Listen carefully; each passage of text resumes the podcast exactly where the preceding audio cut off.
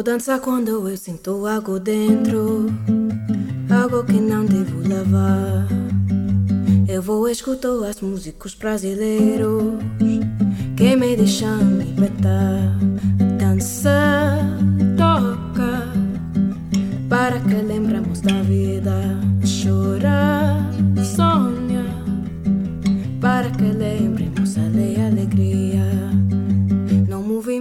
Bos días, boas tardes ou boas noites dende o recuncho de Arquitecturas en Fronteiras, no segundo andar da Escola de Arquitectura de A Coruña. Estás a escoitar o episodio 38 de Habitando, podcast Un Falangullo do Grupo de Educación de Arquitecturas en Fronteiras Galicia. Eu son Juan Ortiz. Eu son Lucía Cernuda. Eu son Marta Casal e hoxe vos presentamos neste episodio 38 a Jorge Raedó, unha persoa que, que bueno, sempre a temos perto no noso traballo, nas nosas inspiracións, é unha fonte inagotable non de, de coñecementos que nos ofrece a través do seu traballo. El está en Colombia neste momento, pero aceptou o convite de estar aquí a través da Vitanda, así que imos a unha promo e en un momentiño nos coñecemos. Para que lembremos a de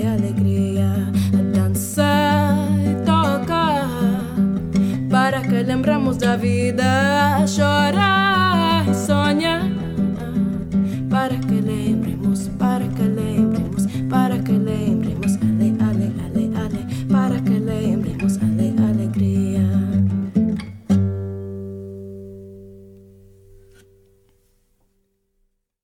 Podgalego. podgalego.agora.gal. Oh, ah, eu sabía que era punto. A ver, veña, dicímolo outra vez. Podgalego. Podgalego. Podgalego. Podgalego. Podgalego. Podgalego.agora.gal. No, outra vez, outra vez, outra vez que non está, non está grabando agora. Moita xente facendo cousas moi interesantes que está comunicando en galego. podgalego.agora.gal. Jorge, benvido a este falangullo de Arquitecturas en Fronteiras de Galicia e gracias polo convite por estar aquí, a pesar de que penso que em cedo por aí por Colombia, pero aquí estamos para dispuesto a someterte a, a interrogatorio. Hola, eh, pues muchísimas gracias por la invitación. Es un gusto pasar este tiempo con vosotras. Pois nada, empezamos a presentación. Eh, Jorge, para quen non o coñece, naceu en Zaragoza e vive actualmente en Colombia. El é unha persoa coa que o grupo de, de Arquitecturas en Fronteiras, o grupo de Educación, pois fomos coñecendo en diferentes momentos, non? E pensamos para presentalo lanzar unha idea, non? De Decide palabras que as diferentes persoas que coñecedes a, a Jorge vos, vos transmitan, non? Que, que identificades con Jorge, que, que vos chega, non? Cando falábamos de Jorge saían palabras como estas, curiosidad, generosidad, interconexión, actividad, amabilidad, creatividad, artes, educación, transparencia, infancia, arquitectura. Salía mucho trabajo, trabajo, trabajo y por último Redeiro que Jorge Redeiro viene a ser una persona que hace redes, ¿no? Las redeiras en Galicia son, son mujeres importantísimas, fundamentales, porque eh, se encargan de, de, tejer, de elaborar las redes y de, y de, arreglarlas. Son esas personas que van cogiendo nudos, cositas y atando, ¿no? Una especie de abeja viene ahora también, ¿no? De polinizador, de voy por aquí, de una flor a otra y voy generando, voy, voy haciendo que, que nazcan cosas, que es un arte, ¿no? el arte de, de enredar y de, de, de, saber encontrar los nudos y atarlos. Otra compañera que te aprecia mucho, Sole, decía, Jorge es un creador de situaciones y espacios educativos a través del arte. Para mí es un explorador de prácticas creativas.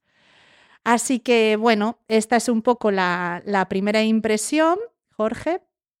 Eh, este es el peso que tienes para empezar la entrevista. Así, vamos ligeritos, sin presión. Y nada, ahora una breve presentación más formal, ¿vale? Eh, bueno, los mimbres, de, de, qué te alimentas tú? Y no vamos a, a, irnos a tu infancia, pero en un momento dado decidiste estudiar arquitectura en la Universidad de Barcelona, también fuiste a la Sapiencia en Roma, luego hiciste arte dramático, dramaturgia, ¿no? En la Universidad de Barcelona. Dramaturgia y dirección escénica. Ajá. Y dirección escénica. Máster en gestión cultural por la UOC, la Universidad Oberta de Cataluña, y luego estuviste viajando sobre todo eh, nos hablaras en Finlandia varios años haciendo trabajo de educación artística en centros educativos. Has sido promotor junto con otras personas, un instigador ahí de espacios de estos de tejer redes, lunárquicos, ludantia, anidar, espacios que nos traes para... Lunárquicos no es mío, eh, es de mi compi, es de Fabiola Uribe. Ajá. Y es, es como... Vale, pues lo- es como- luego ubicas. Vale. Y has trabajado en un montón de espectáculos ¿no? teatrales, desempeñando diferentes roles. Y con todo esto, pues nosotros te hemos ido conociendo en diferentes momentos. Un blog importante para seguir tu trabajo es Osa Menor, tu proyecto de investigación, de educación, de práctica. Cuéntanos de dónde viene Osa Menor, por qué el nombre de esa constelación y cómo surge. Bueno, nada, pues muchísimas gracias por esta presentación fantástica. Me podéis invitar las veces que queráis. Un retrato tan favorable y, Y fiel. bueno, eh, os, habéis, os habéis informado bien eh, y eso estoy siempre es de agradecer, ¿no? Mm, Lo de Osa Menor, bueno, salió un poco del... lo- ahora- es un blog, es donde yo reúno todo mi trabajo con o para infancia y juventud desde el 2008, ¿no? Tanto primero desde Barcelona en España, luego cuatro años en Finlandia y desde hace seis con sede en Bogotá, pero proyectos en varias partes del mundo. Entonces, como son proyectos diferentes y a veces muy grandes, otros más pequeños, el blog Osa Menor, Osa Menor es, el paraguas que doy a toda esta actividad, ¿no? Quien quiera saber de mí, pues tanto los vídeos, textos, artículos y, y resúmenes de proyectos. Eh, la, la osa, la osa polar, el dibujo salió en 2008 para el proyecto que es Arquitectura de Barcelona. Eh, y con el tiempo, pues eh, luego como fui a Finlandia con otros proyectos y pues fui creando, eh, aterrizó, pasó, saltó a, a llamarse Osa Menor, la constelación, porque ahí está la Osa Polar, la, la estrella que para los navegantes en el hemisferio norte del planeta pues nos sirve para no perdernos, ¿no? Y entonces para no perderme, pues el- no olvidarme de que mi trabajo es en la educación de las artes para la infancia. Esto es, tiene esta connotación sencillamente divertida o poética, o llámala como quieras, aventurera, ¿no? Es ir detrás de una intuición y allá se va reuniendo todo para, como vosotros, quien quiera leer lo que he hecho, ahí está. Sí, colgaremos el enlace al blog, bueno, a, a todos los espacios donde se pueda saber más de tu trabajo en la página web cuando colguemos el episodio. Ahí todos tenéis más referencias. Jorge, dices, colocamos esa osa en ese proyecto de qué es arquitectura. Sí. ¿Ubicarías ahí tu primer nudo? O sea, ¿dónde ubicas tú ese primer nudo de tu vínculo con la educación y las artes y la infancia? Sí, sí, sí, por supuesto, ese es el, aunque anteriormente de una manera también así sin pensarlo, pero había tenido alguna aproximación al tema de la infancia o arte, educación. Por ejemplo, yo la primera obra de teatro que dirigí profesional, eh, que era en el año 2003, digo profesional, con una financiación, es en un teatro ahí en Barcelona, era una obra de Edward Bond, Edward Bond, un dramaturgo inglés, que él escribió para adolescentes. O Edward Bond es un gran dramaturgo con una gran conciencia social, siempre sus obras analizan la situación social y crítica y quiere despertar el pensamiento, y pero, eh, que ha escrito para adultos, pero también ha escrito mucho para adolescentes. Y esta obra, él ha escrito, y la habían estrenado en Reino Unido para adolescentes, pero yo la hice para adultos en, en Barcelona. O sea, de una manera, yo ya tenía esta cosa de... Y luego también di clases de dibujo en eh, extraescolares en un colegio de Barcelona, pero luego el proyecto grande y, eh, fue ¿Qué es arquitectura? Y esto nació porque yo quería hacer un proyecto, un espectáculo de teatro para, para infancia. Y, pero quería hacerlo bien, con financiación y apoyado de grandes dramaturgos en España, pero no encontré la financiación. Estuve dos años buscando la financiación. Era un espectáculo que se llamaba La Isla de los Caballos sobre el medio ambiente y eso. Un momento ya me cansé de buscar dinero, no lo voy a encontrar, lo voy a, voy a hacerlo de otra manera. Entonces le di un poco la vuelta, cambié medio ambiente por arquitectura, bueno, y nació el que es arquitectura, que eh, era, además la idea me vino, me acuerdo, paseando por, la, por las playas de Barcelona, yo vivía al lado de la playa, y dije, bueno, voy a cambiarlo, vamos a hacer unos vídeos juntando arquitectos y gente de teatro para explicar a niños de 5 a 8 años qué es arquitectura, cada arquitecto como quiera. Y se van a hacer unos vídeos y van a estar gratuitos en Internet, en YouTube. ¿eh? Estamos hablando del 2008. De manera que yo me saltaba el distribuidor, un gran problema siempre en el mundo del teatro. ¿no? Y bueno, fue una idea loca, no había dinero y a todo el mundo le gustó la idea. arquitectos y mis colegas, y ahí salieron los primeros vídeos con ayuda de Eva Serrats, una arquitecta que domina el mundo de la, del documental y del cine. Y luego, a partir de estos vídeos, que tuvieron mucho éxito, eh, la Bienal Española de Arquitectura del año 2009, que dirigía Tuñón y Mansilla, quisieron que se estrenaran oficialmente los vídeos ahí y nos dieron un dinero para acabarlos bien, hacer una web mejor, hacer unos talleres, bueno, y eso fue un, gran empujón hacia adelante porque nos permitió estar dos años enfocados en este tema, eh, en sede de la Nau de Barcelona, y empezaron a llamarnos de bienales, no solo de la Santander, pero también en Florencia, de, en Trieste, eh, el Ayuntamiento de Zaragoza, en Estados Unidos, hacer talleres con, para infancia, ¿no? Y así fui metiéndome, ¿no? Fue una manera un poco casual, ¿no? O sea, yo solo quise, hice los, hicimos los vídeos para divertirnos, pero y sí que es un punto de inflexión total en mi vida. O sea, ya no he vuelto a enfocarme en hacer teatro de profesional para adultos, y, y, porque me lo paso mejor, creo que tengo más, me lo paso mejor, me siento más útil y bueno, entonces ya no he parado. Uno empieza a correr, que es arquitectura, 2008, desde allá, desde la nave Ivano en Barcelona, con Eva Serrats, con Beth Cantallops y otros muchos arquitectos colaboradores, pero llegó el dos, la crisis económica y aguantamos hasta el 2011. Estábamos preparando bueno, hicimos un gran proyecto en Zaragoza, una, los niños diseñaron una placita, era un proyecto pedagógico, ¿eh? Siempre, si quieres luego hablamos de esto, esta tensión que siempre hay cuando se hace proyectos con la infancia, proyectos participativos, porque al final casi todo lo que yo he hecho es de participación. Hay una tensión en que, la, ¿qué pesa más? ¿El proceso pedagógico de la infancia o, si, o si, hay arquitectos o artistas metidos, eh, su firma, ¿no? Esto es un... Bueno, entonces en 2011 ahí ya los proyectos que teníamos se vinieron abajo por la crisis, desaparecían, uno en Canarias, otro con el Ayuntamiento de Barcelona, y ya yo tuve que, pues me, fui a Finlandia, a otra etapa. Y mm, me, me estás viniendo así como la cosa de, bueno, lo hacemos y luego vemos, y ya vemos, ¿no? Como que empezasteis un poco, eh, empezaste, ¿no? Buscando esa estructura más formal, esa estructura y ese apoyo no, no venía, y lo hicisteis. Y luego eso vino generando otras, otras cosas, ¿no? Sí, sí, un poco.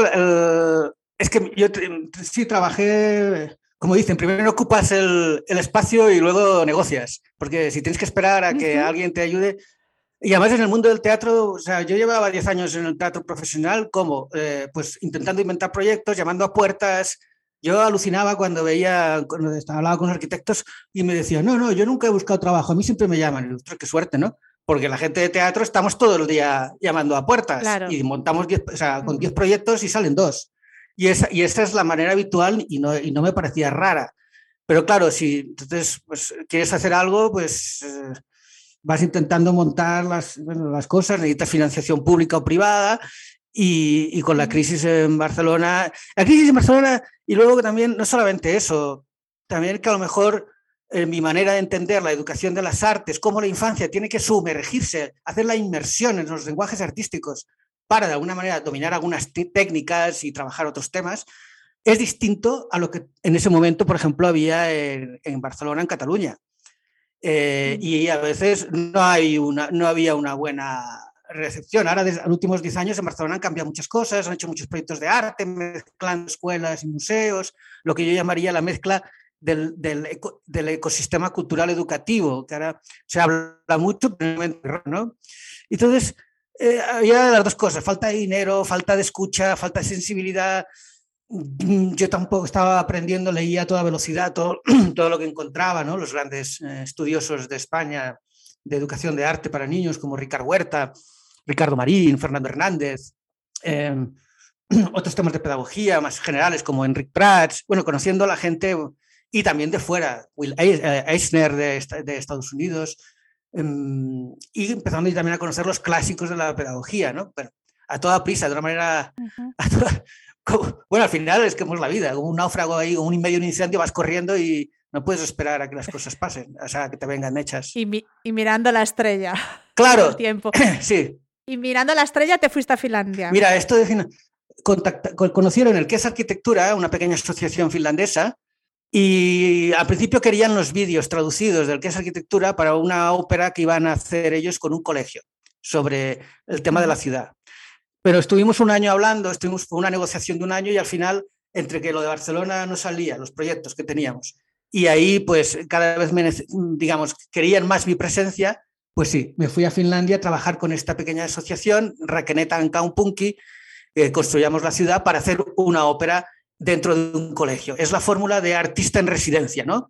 Que yo me metía ocho, ocho meses dentro del colegio, con un, eh, de hecho trabajábamos dos grupos, de, eran como de 9, 10 años, y, su- y siempre con sus profesores, ¿no? Con las profesoras, básicamente. Eh, lo que ahora se llama, bueno, la codocencia, ¿no? Eh, El artista sabe unas cosas, el maestro sabe de otras, y juntos, con la confianza 100% el uno en el otro, porque si no, no funciona, se va inventando el proceso de creación con la infancia. En ese caso, la, ópera que hacíamos era una ópera que ya existía, de Paul Hindemith, año 1930, hecha para niños, para voces blancas. Bueno, pero nosotros, pues durante ocho meses, eh, las- los alumnos cambiaron bueno, un poco la dramaturgia, diseñaron escenografía, no sé qué, bla, bla, y al final después, eh, se estrenaba, el proceso era siempre lo mismo, ocho meses trabajando en la escuela, y se estrenaba en un museo, en ese caso en el Museo de Arquitectura de Finlandia. Y los, y los alumnos hacían 10 funciones para otros colegios. Otro, otro colegio iba a ver la función, hacía un taller relacionado con la ópera y veía una exposición de materiales creados por los alumnos durante el proceso de creación de la ópera. Unos materiales que cuando se hacía la ópera en- dentro de la sala era la escenografía, pero cuando no había ópera era una exposición. O sea, era para mí, o sea, eso ha sido lo- todos mis cuatro años allá, es el proyecto de las cuatro óperas, una por año, fue, ha sido el mejor proyecto que he hecho, o sea, por la complejidad, por la- la- el alto nivel de las escuelas, de las maestras que- y la facilidad que tiene el artista para entrar dentro. La, Es que cuando estabas describiéndolo, mm, perdona, sí, que- y otra cosa importantísima, la no imposibilidad de encontrar financiación para esto. Una pequeña asociación buscaba el dinero en, en- o en el sector público o en el sector fundaciones privadas. Hay becas solo para esto, y traba- educación de arte para infancia, y bueno, pues pides 10, te dan 3 y cuando lo consigues vas al colegio y lo haces. El ecosistema, digamos, cultural educativo que propicia la- el aprendizaje de las artes en la infancia en Finlandia está mucho más desarrollado. O sea, ni son más listos ni nada. Llevan más tiempo haciendo esto con más fe. Y no es extraño que muchos artistas trabajan con la infancia de una forma natural, no como una vergüenza. Ay, es que trabajo con la infancia, qué vergüenza. No lo digo que. Y mucha gente, ah, trabajas con infancia, pues que serás tonto, ¿no? Si, no, si trabajas con infancia es que no sabes hacer otra cosa. Eso aún se oye, aún se, aún se piensa en España o en América Latina. en serio. Sí. Bueno, me, me, me, me está- no sé, mi ignorancia también, ¿eh? Pero no, no, no tenía esta percepción. O sea, me parece interesante lo que dices y da la, me- bueno, la medida o de, de dónde estamos, ¿no? De lo que nos puede quedar. Cuando contabas esto de hacer la codocencia, ¿no? Y de esa confianza entre una maestra, un maestro y un artista, eh, yo sentía como, ¡uh, qué vértigo, ¿no? Como cuando lo contabas qué riesgo me imagino, que, mm, bueno, como qué, sensación de reto, ¿no? Y que a veces tengo la, la sensación que en nuestro contexto la educación está falta de retos de este tipo. Es un reto eh, hacer cada curso un centro educativo por muchas razones, ¿no? Pero estos retos así estimulantes de, bueno, de permitir eso, vamos a romper esto, que entre un maestro y eso de una forma natural. Hace 10 años quizá aquí no estaba desarrollado, hablabas de este contexto, no sé si en este tiempo la percepción que tienes ahora de la situación en España respecto a la educación artística, ¿no? de las artes, ha cambiado, eh, sigues, eh, ¿cómo es tu valoración ahora de este proceso? Como cuántos pasos hemos dado, cuántos no? Porque Sí. crisis hay siempre, no sé, el cambio cultural. Sí, bueno, para, primero antes, para acabar un poco, lo- en Finlandia no solo vi la, o sea, el trabajo con las escuelas, sino vi cómo funcionaban el- la educación de las artes desde los museos o sobre todo las escuelas de arte para niños, que son sistémicas y está en todo el país, hay una ley. Todo eso hace que el ecosistema sea rico, fuerte, ¿no? Te lo digo porque es lo que falta en España. O sea, en. España no hay escuelas de arte para niños. Puede que haya alguna suelta, pero ni, ni te lo- las- están las escuelas de música. Eso que habría que ver qué pedagogía usan, si del siglo XIX o, o más contemporáneo. Sí. Entonces, bueno, en Pero, por ejemplo, en una ciudad como Coruña y área metropolitana no hay escuela de teatro pública, municipal, no existe. Esto entonces depende de, las loca- de cada municipio o a lo mejor alguna autonomía ha potenciado más esto o lo otro, pero sistémicamente no, no existe. ¿no? Seguro que en la mayoría de poblaciones de España una niña, un niño quiere estudiar pintura, cerámica, fotografía o- y no habrá eh, oferta pública. Como suerte, como suerte algo, algo privado que si lo pueden pagar, pues y ya estamos otra vez todo. Quien lo puede pagar avanza y quien no, pues eh, se joda en la, en la miseria. Dicho así, es así. Entonces, Sí, mi sí. visión de... Claro, yo llevo 10 años fuera de España, ¿eh? Entonces, he vuelto puntualmente, he hecho proyectos ahí, pero también me he dado cuenta que uno acaba siendo mi visión un poco distinta a la que podáis tener vosotros, porque es que lo veo desde fuera. ¿Qué veo? Bueno, puntualmente sí que hay muchos proyectos ahora de, a menos por ejemplo en Cataluña, de, de intentar mezclar museos, o sea, la actividad educativa de museos con colegios, hay muchas, ¿no? A veces promovida por el ayuntamiento. Hay el tema, por ejemplo, en arquitectura de, patio, de transformación de patios escolares. Esto está es por, toda España, con mil fórmulas, ¿no? Bueno, entonces, bueno, a peor parece que no hemos ido. Tampoco eh, al menos hay una cierta efervescencia, pero que a veces es más mediática o sale mucho en, los en los- las redes sociales. Yo, por ejemplo, he conocido un poco los colegios de Huesca, porque ahí tenía, estaban mis abuelos y iba a verlos, y mucho, mucho dinamismo no es que haya. ¿eh? O sea, hay una cierta parálisis como había antes. O sea, no, una parálisis quiere Ujú. decir... Entonces, es que la reflexión que yo te iría, más allá de la educación de arte para la infancia. Yo lo que veo, en general, bueno, la sociedad española es una sociedad adormecida. Es así. Es, eh, tiene muchas virtudes ¿eh? la sociedad española. Si tú vas viajando por el mundo, vas viendo las cosas buenas que tiene en general el territorio, el Estado español. ¿no? Por supuesto, Galicia es distinto a Andalucía o lo que tú quieras, pero, pero sería ambición intelectual o artística, España no es que tenga mucha. O sea, los mejores científicos ya hace años que están corri- se escapan de España porque es que los maltratan. Y artistas, no te digo, si alguien quiere ver del arte, pues irá a donde haya el mercado del arte y las ideas. Que en España esto, pues entonces... Y las políticas públicas, ¿no? También, ¿Eh? porque las políticas públicas que creen ese ecosistema, lo que Claro, que- Claro, eso tiene que venir acompañado pues, de políticas públicas, es un, desde, es un, ¿cómo le llaman? De bottom top y top bottom, ¿no? Eh, desde abajo hacia arriba parece que sí que hay una cierta efervescencia, de arriba hacia abajo, pues menos, tal vez municipal o... Entonces, es que ahora, ahora que este proyecto que hago que se llama Conversaciones Sanidad, que invito a mucha gente, he podido invitar a, a gente de 70, 80 años que en los años 60 y 70 fueron clave en, la- en los movimientos de renovación pedagógica de España, ¿no? Que eran los años eh, de Franco, años 60, 70 ya, eh, gente, maestros jóvenes que entendían que la educación es para transformar a las personas y a la sociedad. Ser maestro no es tener un salario, punto. No, no es eso. Y es la mayoría de maestros que yo me he encontrado en España, parece que están haciendo tu, tu trabajo, pues mira, yo hago este trabajo, lo hago, intento hacer bien, yo cobro y no me preocupo de mucho más. No, la educación es para transformar. Igual que las artes o el teatro es para transformar la sociedad, no para pasar el rato, que también está bien reír en una comedia, ¿no? Pero es para... es- tenemos una función de dónde estamos y hacia dónde vamos. Y la educación es... Y eso se ha perdido.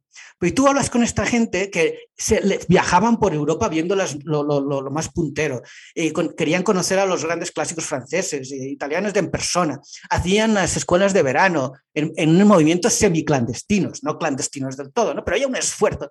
Esta gente no ha perdido esta visión, pero se sienten, lo dicen ellos, un- hay un cierto desencanto, porque eh, en los años 70, incluso principios de los 80, eso pervivió, pero luego se fue apagando. España se creyó, eh, cre- cre- creyó que era un país así, no todos somos clase media, ya no hay problemas, Sí. ahora ya vamos a hablar de otras cosas más sofisticadas y todo eso se traduce en la, en la educación. Y Entonces, y, en la, y, en el, y lo que es el arte, el arte que es un florero o es para expresarme yo y construir una identidad personal y colectiva. ¿Qué propone España al mundo? Nada. O sea, y eso se ve en la educación. Entonces, eh, ¿cómo Sí. encaja el arte ahí? Pues No, lo, lo, que vemos es que realmente no hay unas políticas públicas que, que lleven a la población de una forma generalizada una formación básica, básica en el conocimiento de las artes y ni la escuela tampoco no lo proporciona porque, porque lo que se dedica es, es ínfimo ahí, ¿no? Entonces, bueno, hoy hablábamos precisamente hace un ratito comiendo, ¿no? De, de, de, lo conservadores que somos, ¿no? De las dificultades tras haber hecho unos cursos estos días relacionados con los patios, de cambiar simplemente, ¿no? Que tenga que ser una batalla burocrática el abrir el patio de un colegio a un parque gigante infrautilizado que tiene al lado. Y esto pasa. Entonces, ¿cómo podemos estar gastando energía en una cosa que es tirar un muro abajo, por favor? Uh -huh.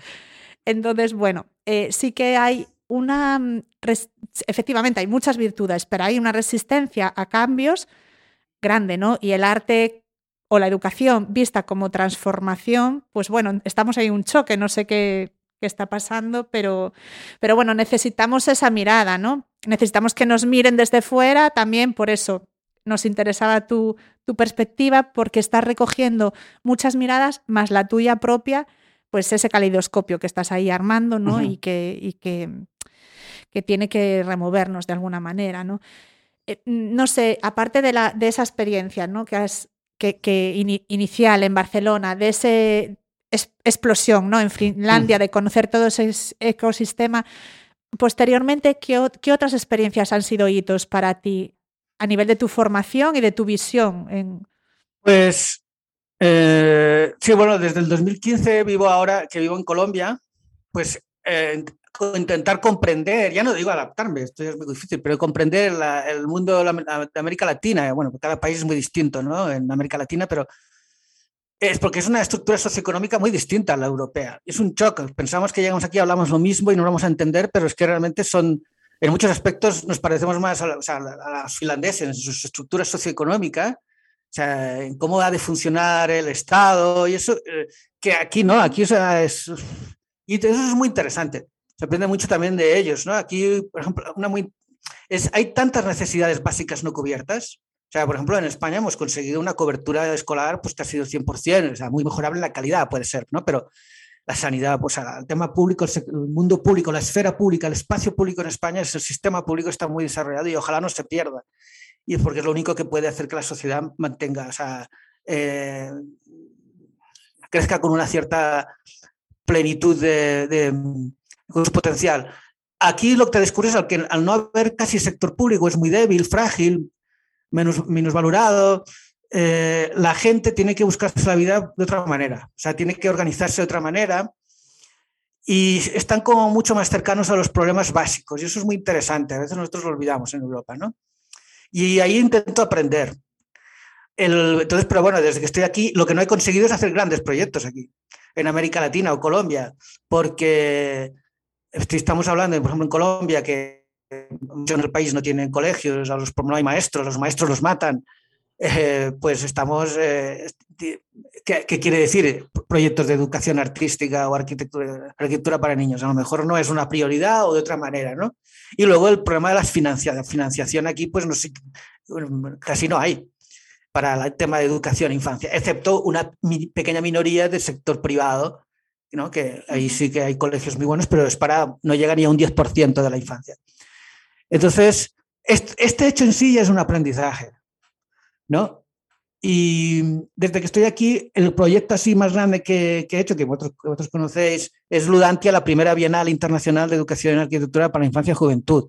Esto fue una idea que, de hecho, la, la empecé a tener en, en, Finlandia, que ya, o sea, ya no era un proyecto concretamente donde yo voy a trabajar con niños, sino es para la infancia, pero promoviendo y visibilizando a, profesionales y proyectos del mundo que tocan el tema de arquitectura e infancia, educación desde diferentes aspectos, ¿no? Hay gente que hace talleres para que aprendan arquitectura, hay gente más enfocada en procesos de participación, regeneración urbana, otros que diseñan escuelas o materiales didácticos. Bueno, una mezcla ya, algo que conseguimos. Entonces, gracias a José Manuel Rosales, el creador de Proyecto Terra, pues él esto dijo, esto me interesa para Galicia y él fue el genio que, que la, la, ingeniería institucional ahí, ¿no? Para hacer la realidad. Y entonces lo aterrizamos en Pontevedra y bueno, eso desde el mitad del 2016 eh, empezamos a trabajar, con, bueno, era, era, un- era una bienal con muchos proyectos, ya los conocéis, que desembocaba en mayo-junio del 2018 en Pontevedra en un gran evento con un congreso de tres días, invitados internacionales, una gran instalación para que la infancia jugara cada, fue cada día con los colegios, exposición de Colombia País Invitado, un gran concurso de proyectos hechos por infancia que estuvo abierto un año y pico. Todo eso, evidentemente, con la ayuda de Virginia Navarro como le pusimos el nombre de coordinadora, ¿no? Éramos eh, José Manuel, con Virginia Navarro y yo, básicamente, hasta, hasta casi el final. Eh, y mm, bueno, ¿y ¿qué más? Hubo- Bueno, ah, también eh, José Manuel puso en marcha unas actividades previas al, al evento en Pontevedra, pues en plazas de, de Galicia, algunos cursos en la Universidad de Vigo. Bueno, hay toda una movida para agitar el, el avispero, ¿no? Y que, que la gente se conozca y se visibilice. Y eso fue muy bien. Realmente fue un proyecto, ha sido más un proyecto de gestión cultural, ¿no? De, de- de- como tú dices, de Redeiro, que me no, tengo que apuntar. Me, De me Redeiro, encanta, total. me encanta. Pero fueron dos años de locura pegado aquí ahí y tal. Todo, todo, todo era un trabajo titánico, el concurso, pues conseguir que se presentaran 100, pues allí hay que trabajarlo. La exposición Colombia, pues hay 30 proyectos. Eh, juntar Bueno, al- colgaremos ¿Eh? el enlace de, de que, que colgaremos Sí, el enlace de, de Ludantia. hay Hay, un, episodio dedicado, en la web podéis. Perdona, que hay como un retraso de, de Sí. la voz. Y entonces en la web tenéis los vídeos de las conferencias, hay fotos y está el catálogo maravilloso de 600 páginas que está todo, ¿eh? se lo puede descargar. Y eso luego tuvo un, eco, una itinerancia de la Bienal, se fue, exacto, ahí está. está en, fue, vinimos a Bogotá, Lima, Quito, Puebla y Berlín, hasta final del año 2019. ¿eh? Eh, hay que decir que la Bienal, el organizador oficial era el Colegio Oficial de Arquitectos de Galicia. ¿eh? O sea, que sin ellos hubiera sido imposible, sin este carácter institucional, este músculo simbólico y, y financiero, al menos de...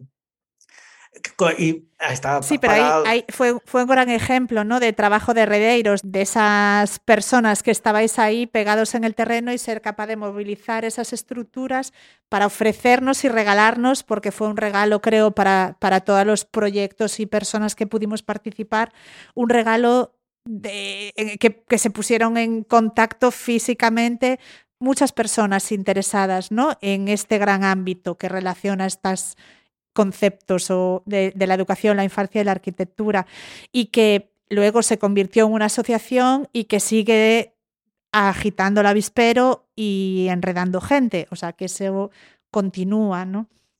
Así que Bueno, gracias por la parte te- que te toca otra vez.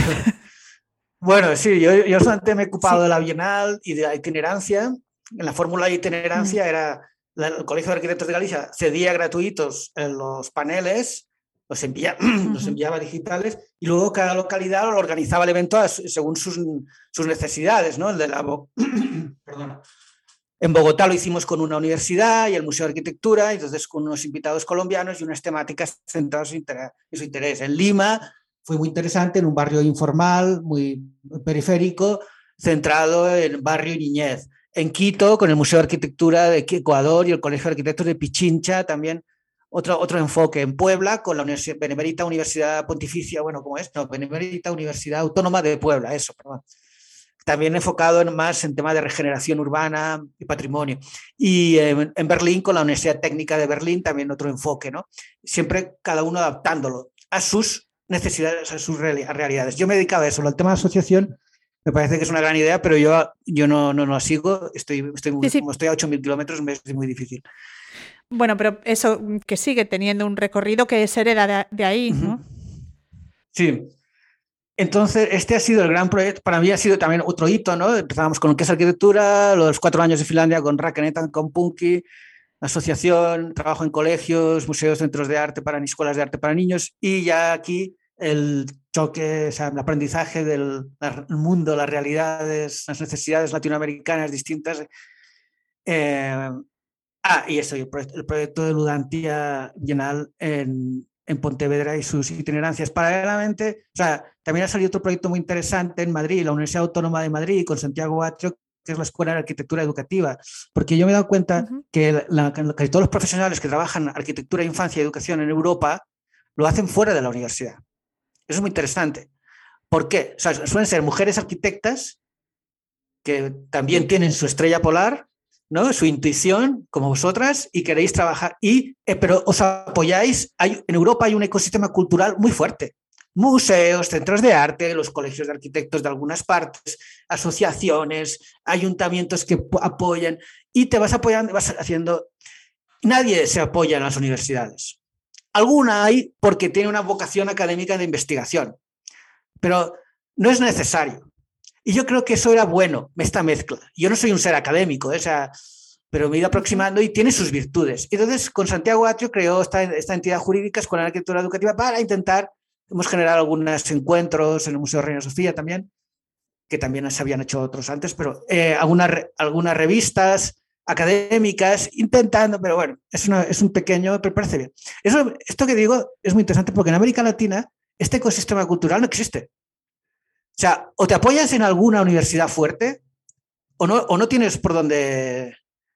Esa, eh, aquí hay mucha gente que hace, tiene buenas ideas y buenos proyectos, pero duran unos meses, un año y tal, pero porque no hay financiación, no hay museos donde apoyarte, no hay centros de arte, no hay centros culturales. Eh, eh, la cooperación internacional es otro tema aparte que no voy a desarrollar, pero que parece muy bien que exista, pero intentar generar proyectos en América Latina apoyados en dineros de cooperación internacional no siempre es la mejor idea. O sea, depende de cómo se haga, puede ser perjudicial, ¿no?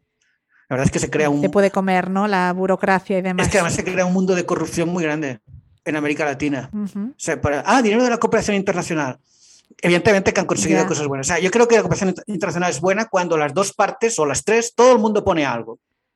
Y se están haciendo proyectos buenos. Yo no soy especialista, ¿eh? pero incluso España yo voy siguiendo estas, tiene organismos muy, muy, muy, muy, avanzados en el, concepto de, cooperación internacional con América Latina, pero no, no, siempre en educación o en arte, en otros temas jurídicos, de seguridad. Pero esto de que llegue el dinero y... Eh, en fin, es un tema que tengo que investigar más o estudiarlo. Y ahí estamos, ahí estamos. Y Jorge, ahora mismo decías, ¿no? La, las necesidades no, cubiertas, eh, entre ellas también la de menos posibilidades de, de, desarrollar o de sostener iniciativas y proyectos artísticos en el contexto de América Latina, con toda su diversidad y sus diferencias, por supuesto, pero mm, como, como persona que vive en el ámbito de la creatividad, ¿no? Mm, mm, ¿Sientes por una parte que eso genera una fuente de creatividad de otra manera. Es decir, ¿podríamos envidiar ciertas cosas o es un mito, ¿no? Lo de que la necesidad agudiza el ingenio y que a lo mejor la creatividad se desarrolla por otros lados que podríamos aprender o, no. O sea, yo, por ejemplo, soy socióloga y para mí Colombia y los profesionales del ámbito social en Colombia son una referencia. ¿Cómo ves tú, no? La, eh, quiero decir, el enfoque que tiene la mirada de un montón de cosas. Sí, no es mi, no es mi ámbito, pero de sociología, yo estoy en el mundo de arte, educación, infancia, y si me acerco a la sociología o la antropología, y eso lo hago siempre con otro foco, ¿no? Pero entiendo lo que dices y pues sí que es un fuerte de América Latina, este tipo de proyectos. Yo creo, lo que deberían hacer todas las universidades españolas es eh, contratar profesores universitarios de la América Latina, sobre todo en el ámbito de las humanidades, sociología, no tecnología, porque aquí, como no, pues no han desarrollado poco, pero porque, porque saben mucho. ¿sabe? Algunos, ¿eh? O sea, y, sería muy rico para el, el, devenir español. Entonces yo entiendo, pero desde el punto de la creatividad, eso que dices es un mito. O sea, yo lo mejor que he conocido es Finlandia. Porque ahí el artista, bueno, ahora dicen que, bueno, también ha habido recortes como en todo el mundo, ¿no? Pero cuando estaba yo, el artista podía, yo podía vivir de, de educación de arte para niños ahora con esta beca, ahora con no sé qué, con las escuelas. Y cuando tú tienes la, puedes pagarte el techo y la comida, creas mucho mejor. Condiciones. Si además te puedes comprar, cambiar la cámara de fotos, pues también. Pero es, lo demás son chorradas. Lo, demás, o sea, a ver, eh, en España no se fomenta más las artes para que la gente no piense. Punto. Es para esto. O sea, no interesa que la gente tenga un pensamiento crítico y se desarrolle. tampoco creo que haya una mala. en la educación. ¿Eh? Ni siquiera en la educación. En el ámbito estrictamente educativo de, no, no, se fomenta eso. Y no creo pues que estamos tan entretenidos con las materias del currículum que no hay tiempo de pensar. Sí, sí, eso es, es, muy interesante porque tampoco creo que haya una mano negra, una persona ahí detrás, iba a dominar a los españoles como un titiritero, mm. al final es como un devenir, ¿no? sí que puede haber gente que diga, pues es mejor tenerlos un poco así adormilados, que no piensen mucho, que ni pensamiento crítico, para que sea una población fácil de controlar. Bueno, no sé, pero me parece, es, es algo que está ahí. Bueno, en en cambio tú te vas más hacia el norte de Europa, no sé si es el talante protestante o qué, pero, por ejemplo, en Finlandia, que no hay casi turismo, no hay petróleo, no hay nada, pues es la cabecita lo que tiene que funcionar. Y por eso la educación se convirtió en, en- o tenemos una buena educación o el país desaparece. Sea, tenemos que sacar lo mejor de nosotros mismos. Hay que darle todas las oportunidades a la infancia para que el que sea un buen matemático pueda ser el mejor, para que sea un buen violinista, para que sea... Entonces, los artistas que se quejaban ¿eh? en Finlandia, ah, nos falta dinero, nos maltratan. Pero bueno, vete tú a España, vete tú a Barcelona para ver cómo viven ¿eh? la gente de teatro. También una valoración de la, de la infancia, ¿no? Países como España, frente a otros países, tú lo decías, ah, eres un artista que trabaja con infancia, pues has de, ser malo. Eh, no sacas una buena nota, pues, te, pues puedes entrar en magisterio. O sea, como esta devaluación de lo que tiene que ver con el trato de- como, con la infancia, ¿no? Una cultura muy adultocrática donde la infancia es algo todavía que va a ser, pero por sí misma no es y no... Sí. Vamos, que podemos hablar de un montón de ámbitos que quizás está ahí, ¿no? Todavía muy arraigado Correcto. y no le damos, no lo ponemos en valor, es que no. Exacto, exacto. Pero sobre todo es que eh, es que no, no es que bueno, no, valoremos la infancia, es que no valoramos el, el Estado español, no, no tenemos una visión de futuro, porque si la tuviéramos invertiríamos más en la infancia. Finlandia invierte en la infancia porque quiere sobrevivir como, como sociedad. Futuro. No es que sean, tengan buen corazón, y, sino Sí, sí, sí. es que no hay ninguna ambición en España. Salió aquello de la marca España que era ridículo. O sea, que era una cosa que daba pena, casi vergüenza ajena. O sea, ¿quieres tu marca España? Invierte en educación pública. Pública porque es de todos, para todos. O sea, para que no crear más des- cuanto más desigual sea el país, peor va a funcionar. Económicamente, no queremos ser competitivos económicamente, pues invierte en la infancia, en la educación, educación de las artes, que dominen los idiomas, buena sanidad, sanidad pública, sanidad pública preventiva. Para eso no hay que recortar.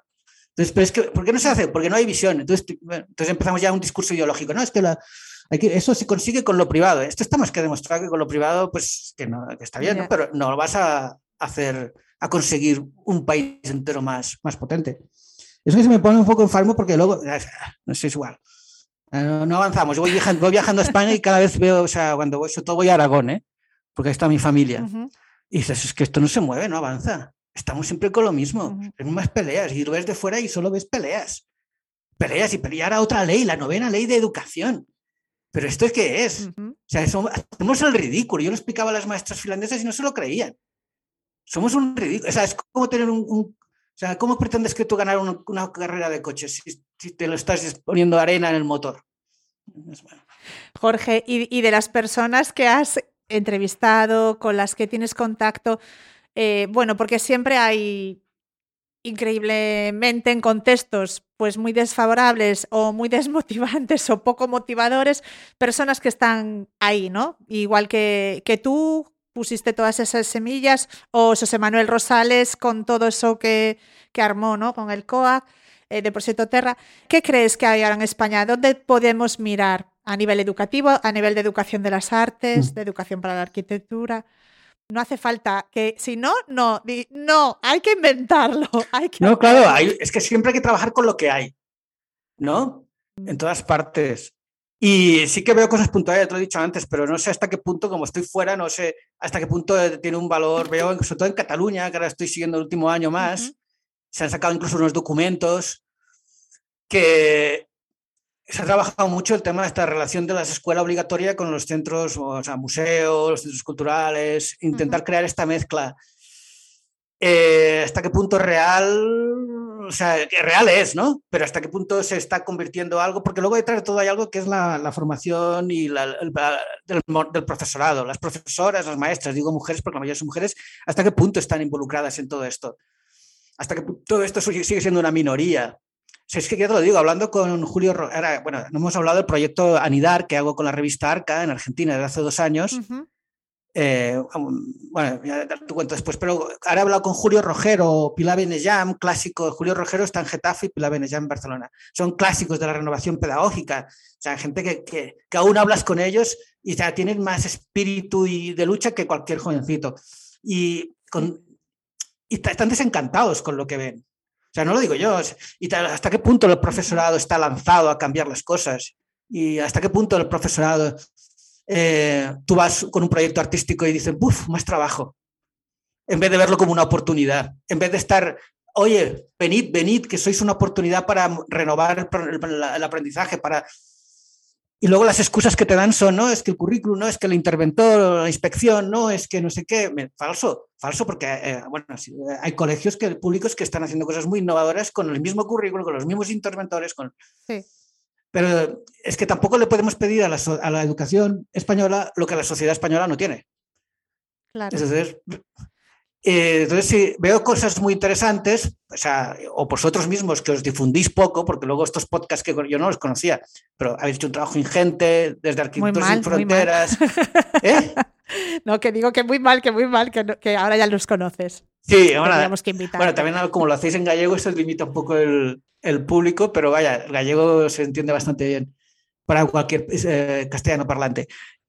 Pero, y digamos, se va, eh, claro que hay cosas buenas y profesionales, y no sé, o sea, pero no, no, sabría decirte.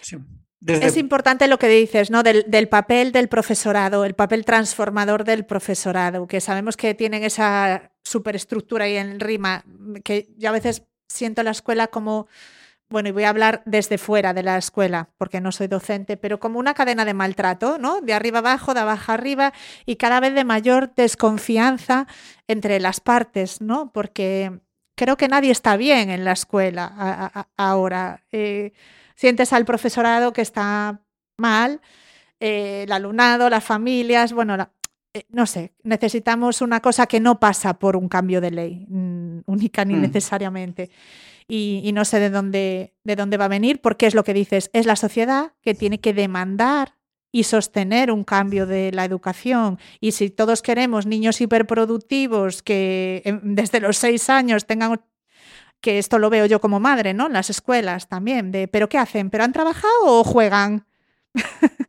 ¿Sabes? Cuatro años.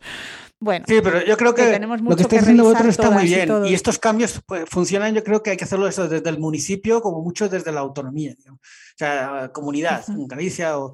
Yo cuando, volví, cuando estaba ya, bueno, acabando mi etapa finlandesa para irme a, a Colombia, ya había decidido. Bueno, por, como iba mucho a Huesca, pues intenté crear una escuela de arte para niños en Huesca. Y además es que había un edificio perfecto en el centro. Prácticamente es que ni me escuchaban. Las administraciones públicas se creen aviondos. Hay mucha gente que ocupa un cargo público, llega un, y ya se cree que es, lo sabe todo. No, sabes de lo tuyo y lo haces muy bien, o a lo mejor, pero no sabes de todo. Yo sé más que tú de educación de arte para niños. Claro. Escucha. Claro. Y entonces no te escuchan. ¿Por qué? Porque muchas veces todo funciona a ver qué me dice el superior. O que me dice el alcalde y el alcalde besa el anillo al jefe del partido. Estamos ahí, pues los partidos eh, en España se han convertido pues, en una especie de sectas donde has de estar besando el anillo. Yo siempre he sido partidario de, de las elecciones por eh, listas abiertas, ¿eh? no listas cerradas, porque crean, se crean ahí unos reinos eh, inaccesibles. Inaccesibles, que no, que no entra el aire, que no entra la renovación del pensamiento, que no hay ambición, que todo es a ver qué dice el superior y que no me muevo para... Bueno, es, eh, tal vez suena un poco duro, y tal, pero es, al final los perjudicada es la infancia. No, es, es un sistema, ¿no? Y cuando hablamos de procesos participativos o de educar para la participación, que nosotros en, en Arquitectura sin Fronteras llevamos unos añitos, eh, bueno, pues con pequeños laboratorios en un centro educativo y, y, a través de otras actividades intentando mover un poco esto, ¿no? De decir cómo podemos generar experiencias pequeñitas que tengan que ver con la participación de una comunidad educativa, mm. porque partíamos de un pequeño diagnóstico en el que nadie quería participar, la participación era mala, trae conflictos y ya delegamos y que decida el alcalde. Y, y bueno, no, nos quedamos un poco alucinados, ¿no? Porque ni siquiera, o sea, esto estaba en las familias, estaba en el alumnado, está un poco en el sistema. Entonces, bueno, generar lo que hablabas antes, esta, esta pregunta, dos preguntas más. Eh, esta tensión en los procesos de participación, ¿no? que tú has conocido muchos y te cuentan procesos de educación para participación o de urbanismo participativo, y esa tensión que dices entre el proceso, el resultado, la obra de quien sea, si es que hay alguien de por medio, y, y la propia tensión con la participación, por lo menos en el contexto de nuestro, ¿no? No sé si en otros lugares, o sea, si has llegado a poder percibir diferencias en lo que son esos procesos participativos en España y en otros lugares, por esto que estabas hablando. Claro. Y, y Mira, es- no sé cómo. Esto es un tema fascinante, el proceso de participación, porque yo luego me doy cuenta que casi todos los proyectos que he hecho han sido procesos de participación, ¿no? Incluso cuando solo trabajo con niños, al final es que todos presentan algo, sea una ópera o a veces transformación de espacio, ¿no? Pocas veces el resultado final es individual. Entonces, eh, el proceso de participación se destila de cómo la sociedad se construye. O sea, si tú vas a los países nórdicos, que tienen muchos problemas, pero tienen muchas virtudes, ¿no? Eh, sus problemas son pequeños, por ejemplo, Finlandia, ¿no? el- la, la participación ciudadana, o sea, todos se consideran el, el Estado. El Estado soy yo. Cualquier niña, niño que nace ahí puede llegar a ser presidente del país.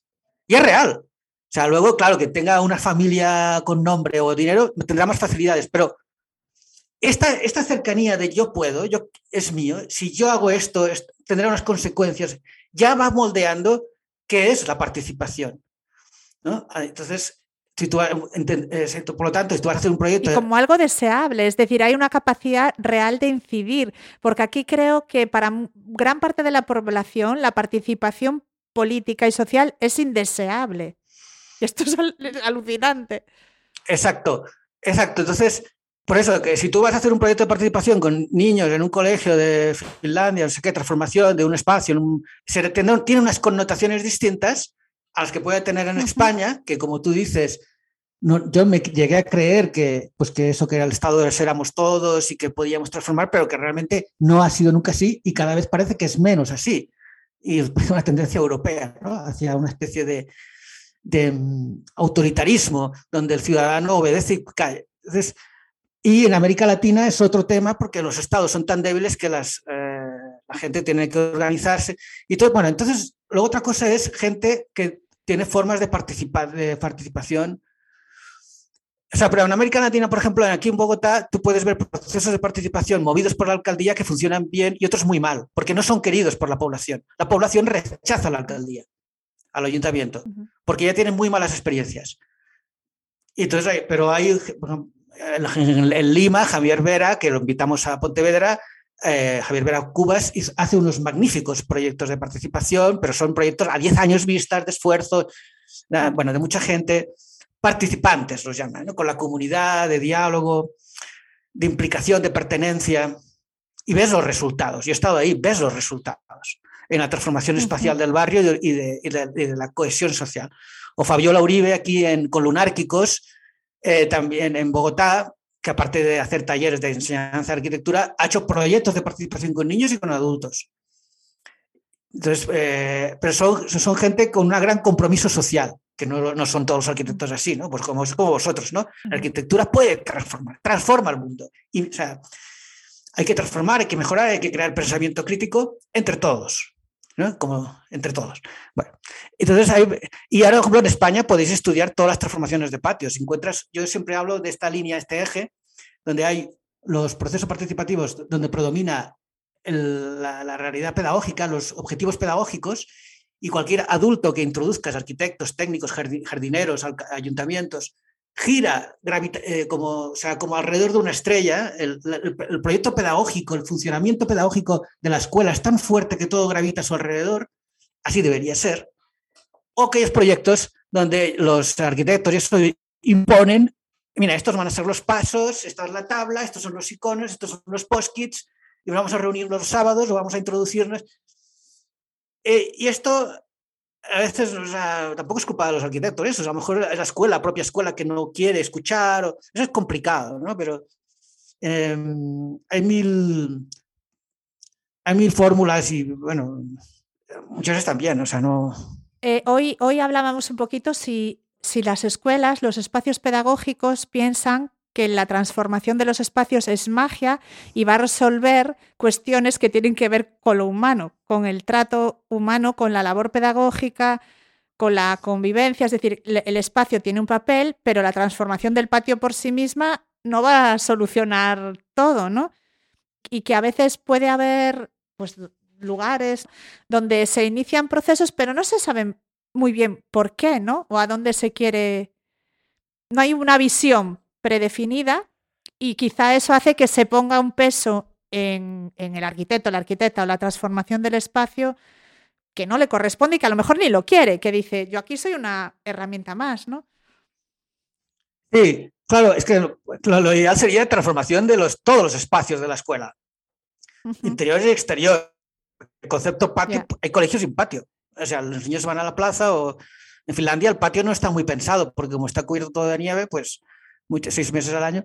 Lo, importante es que haya un trabajo um, de, de, interdisciplinar y entre administraciones, y que no pasa en España. Cada una está separada, no se hablan. Eh, a veces eh, puede haber excepciones, pero y también interdisciplinar entre los eh, maestros, entre los arquitectos.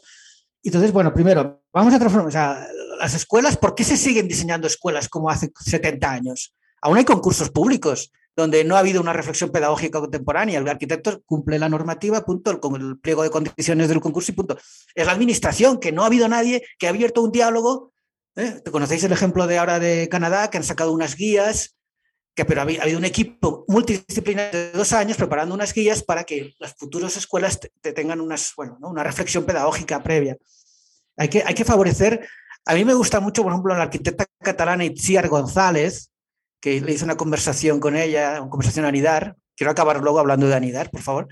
Itziar González eh, es una arquitecta que, ya desde que empezó su carrera dijo, sí, yo no voy a construir obra nueva, solo eh, reforma de lo, que ya existe. Y luego se metió también en gestión, este fue con la, jefa de urbanismo de Ciudad Bella de Barcelona y promueve mucho la participación ciudadana. Y ella habla de crear las infraestructuras de confianza. La administración pública tiene que construir infraestructuras de confianza, ese espacio-tiempo que permita a los ciudadanos participar. Es la obligación y el derecho de los ciudadanos participar y decidir, no ser consultados. Aquí unas, unas tablas, unos posquis o las votaciones, no. Entonces, eh, ella lo tiene muy pensado, muy desarrollado y, por ejemplo, hizo un gran proyecto para transformar las Ramblas de Barcelona, que ganó por concurso, hacer, eh, hacer el, el proceso. Hizo el proceso de dos años, con 500 personas y asociaciones de las Ramblas de Barcelona, entregó el proyecto a la alcaldía, al ayuntamiento y se paró. Porque los lobbies de funcionamientos económicos y ta, ta, ta, ta, ta, aunque la alcaldesa quiera, no puede aplicarlo. Tenemos que construir una sociedad donde pues, esto, esto nos, está, nos están impidiendo ejercer nuestros derechos y nuestro deber. ¿Por qué? Porque son unos semidioses de los partidos que deciden a dedo lo que tiene que pasar. Y todo esto se aprende desde la infancia.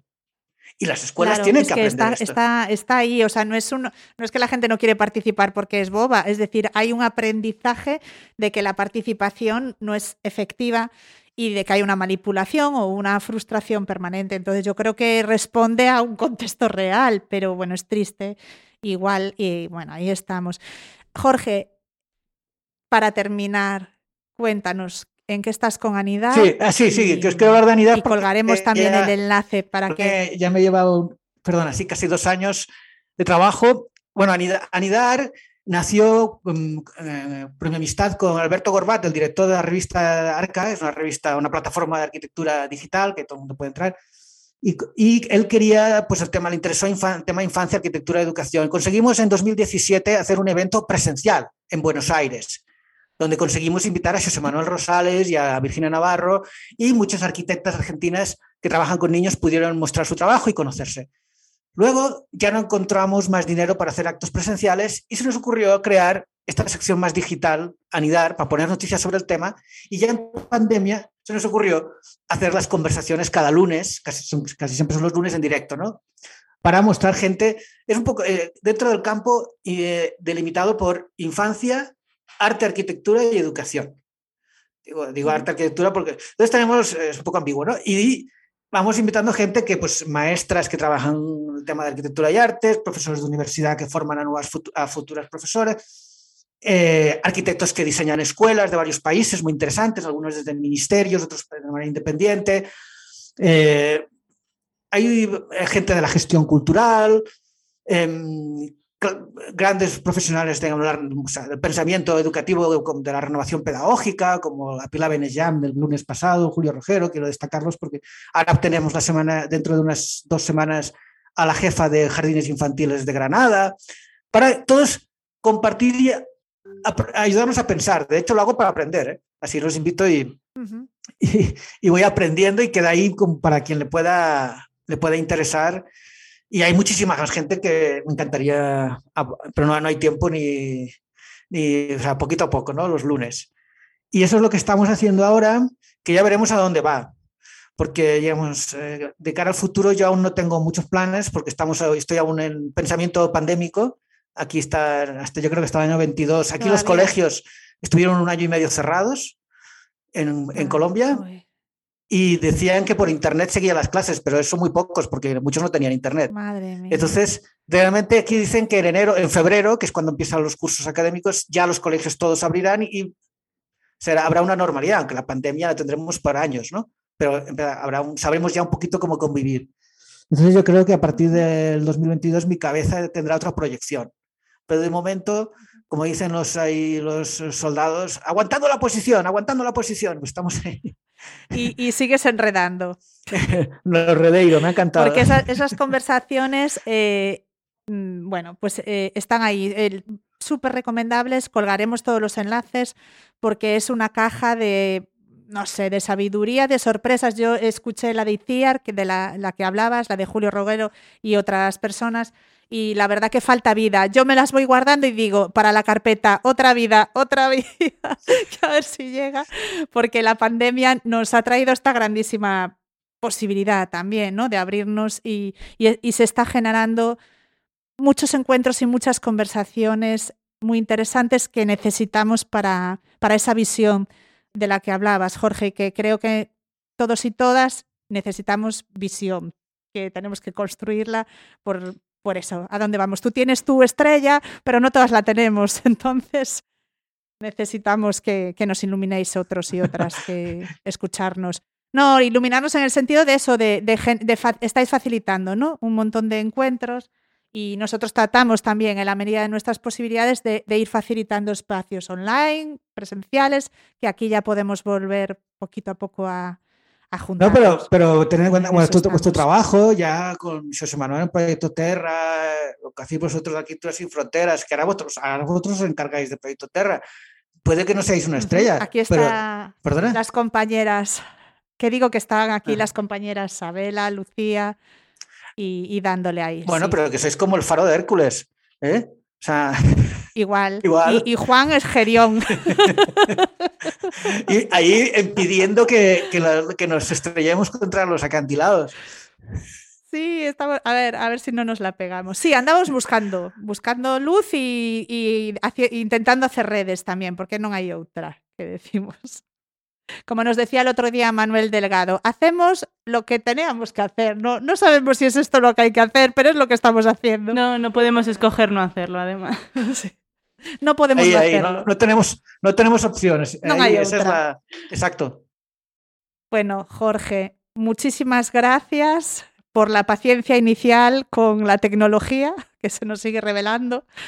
Y, y, nada, que te apreciamos muchísimo, te mandamos un abrazo enorme de, de, Sole y de todos los compañeros y compañeras y que aquí te esperamos con un pulpo y una estrella Galicia cuando quieras. que eso no cambia. Voy, voy. Y el Muy bien. Terra abierto a lo que quieras cuando sí. quieras. Y Proseto Terra, si se te ocurren cosas y enredos, tú ya sabes, aquí estamos. Listo, me empiezo vale. a pensar ya. Un gran abrazo, Jorge. Un gracias, saludo a todos y gracias. a todas y hasta el próximo Habitando. Chao.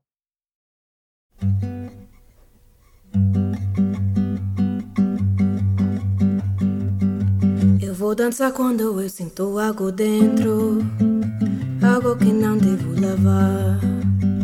Eu vou escutar as músicos brasileiros que me deixam libertar. Dançar, para que lembramos da vida. Chorar, sonha para que lembremos a lei alegria. No movimento posso criar meu mundo, do que beleza hoje. Pois ata aquí este episodio 38. Podedes nos deixar un comentario sobre este ou calquer outro tema nas notas do episodio na nosa web galicia.asfes.org. En Twitter atoparedesnos como arroba asf-habitando ou en arroba asf-galiza. E tamén temos páxina en Facebook. Recordade que Habitando, ademais de na nosa web, está disponible en iVoox, Spotify e iTunes. A nosa sintonía, a canción A Vida de Maya Solovey, e o resto de músicas que soan en Habitando distribúense no momento desta grabación con licencia Creative Commons, ao igual que este falangullo é a maioría de contidos de Arquitecturas en Fronteiras. Nada máis, moitísimas grazas a todos e todas por chegar ata aquí. Ata a próxima. Adeus. Adeus. Adeus. Chorar, sonhar para que nem